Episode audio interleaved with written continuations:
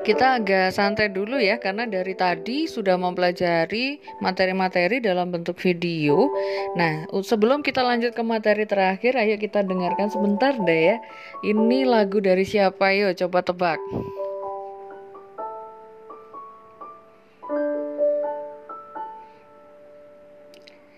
Tak terasa waktu berlalu, kini kau telah jadi milikku. Betapa bahagianya aku saat kau ada di sisiku. Oke, lanjut ya. Wah, nanti kalau dengarkan Bu Putri nyanyi terus jadinya nggak jadi belajar kita ya. Jadi sambil mendengarkan lagu, nanti Ibu seling-selingi gitu ya. Kita sambil menyimak materi yang terakhir. Penjelasan Ibu Ibu sampaikan lewat podcast ini. Oke. Tadi materinya adalah landasan teori belajar. Nah, landasan teori media, maaf. Landasan teori media pembelajaran itu berhubungan langsung dengan teori belajar. Ada dua teori yang kita pakai di sini, yaitu teori Brunner dan teori Dale, atau yang terkenalnya dengan cone of experience. Itu tokohnya namanya Dale ya. Kenapa kok disebut cone of experience? Kalian pernah beli es krim yang pakai cone? Nah, itu kan ada uh, kon itu bentuknya yang paling bawah itu runcing ya semakin ke atas lingkarannya bulatannya itu semakin lebar gitu kan. Nah, seperti itu juga orang definisinya orang belajar. Ada tingkatan-tingkatannya dari yang mulai paling sempit hingga yang paling besar, yang paling lebar gitu. Nah, tingkatan itu apa saja? Yang pertama, pengalaman langsung, yang kedua, pengalaman piktorial dan yang ketiga, pengalaman abstrak. Pengalaman langsung itu adalah maksudnya seorang siswa itu baru bisa memahami materi kalau dia praktik langsung. Jadi kalau hanya diminta untuk baca buku, untuk menghafal, untuk menyimak video dia nggak bisa. Harus praktik dulu baru dia bisa. Itu pengalaman langsung. Yang kedua, pengalaman piktorial.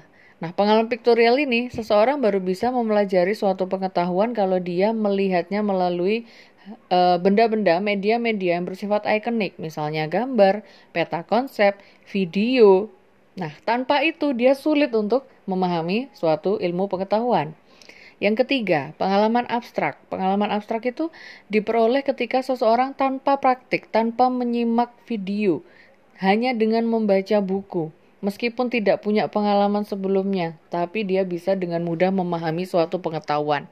Contohnya, cara menanam padi, dia nggak pernah lihat, dia juga tidak pernah praktik menanam padi, dia juga tidak pernah melihat video atau berita atau TV gitu ya, siaran televisi tentang orang yang sedang menanam padi. Tapi dengan membaca buku saja dia tahu kalau menanam padi itu tidak pernah jalannya maju, selalu mundur kan. Nah, itu berarti pengalamannya ada yang dia terapkan ketika belajar adalah pengalaman abstrak. Nah, sekarang guru itu kalau mau menggunakan atau membuat suatu media itu meng mengakomodasi pengalaman yang mana dulu dari ketiganya itu. Apakah selalu harus urut dari pengalaman langsung dulu, terus piktorial, terus abstrak? Jawabannya tidak. Ya, jadi mana dari tiga tingkatan modus belajar itu yang mau diterapkan dulu itu ditentukan oleh kebutuhan dan kemampuan si pembelajar juga ditentukan oleh gaya belajar siswa. Ketika memiliki siswa yang Misalnya nih ya, ini kalau kita tinjaunya dari gaya belajar ya.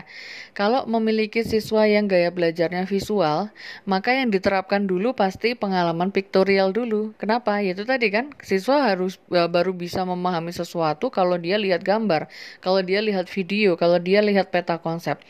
Nah, kalau untuk mengakomodasi siswa dengan gaya belajar visual seperti itu, maka yang diterapkan oleh guru pertama adalah pengalaman piktorial dulu. Baru selanjutnya, untuk materinya, guru bisa memberikan pengalaman abstrak. Ya, berarti media yang disiapkan guru yang kedua adalah berupa buku-buku bacaan supaya siswa punya pengalaman abstrak. Lalu yang ketiga baru pengalaman langsung. Pengalaman langsung berarti meminta siswa untuk mempraktikkan teori yang tadi sudah dipelajari. Berarti di situ peran guru adalah memberikan media pembelajaran yang bisa membuat siswa itu bisa praktik langsung teori-teori yang sudah dipelajari. Jadi itu seandainya gaya belajar siswa itu visual, maka urutannya pengalaman piktorial dulu, pengalaman abstrak baru pengalaman langsung. Itu contoh ya kalau uh, siswa uh, kalau kita membuat suatu media itu didasarkan pada tingkatan modus belajar dan didasarkan pada uh, gaya belajar siswa. Lalu tadi penentuan yang kedua tiga dari tiga tingkatan modus belajar itu mana yang nomor satu kan selain gaya belajar juga ditentukan berdasarkan kebutuhan dan kemampuan siswa kan. Nah, misalnya nih, misalnya uh, kebutuhannya siswa adalah uh, kita punya siswa itu kalau belajar itu sistematis karena dia butuh teorinya dulu baru praktiknya. Kalau menghadapi kelas yang semacam itu, maka guru mau tidak mau yang diterapkan pertama adalah pengalaman abstrak dulu. Berarti media yang harus disiapkan guru adalah berupa buku-buku dulu supaya siswa punya teorinya dulu, supaya siswa mengalami belajar abstrak dulu, pengalaman belajar abstrak dulu. Baru selanjutnya, misalnya, supaya lebih matang penguasaan teori, guru meminta siswa untuk menuangkan pemahamannya itu dalam bentuk peta konsep. Berarti yang diterapkan kedua pengalaman piktorial. Nah, supaya siswa itu bisa praktik tidak hanya sekadar menguasai teori, maka terapkanlah pengalaman langsung. Berarti peran guru adalah menyediakan suatu media pembelajaran yang bisa membuat siswa praktik. Nah, dari situ kita bisa simpulkan bahwa ada hubungan antara teori belajar dengan teori media. Teorinya apa itu? Teori Brunner dan teori Dale. Teori Dale terkenal dengan istilah cone of experience. Dalam teori Brunner dan Dale disebutkan ada tiga tingkatan modus belajar yang berpengaruh terhadap persiapan guru menyiapkan sebuah media.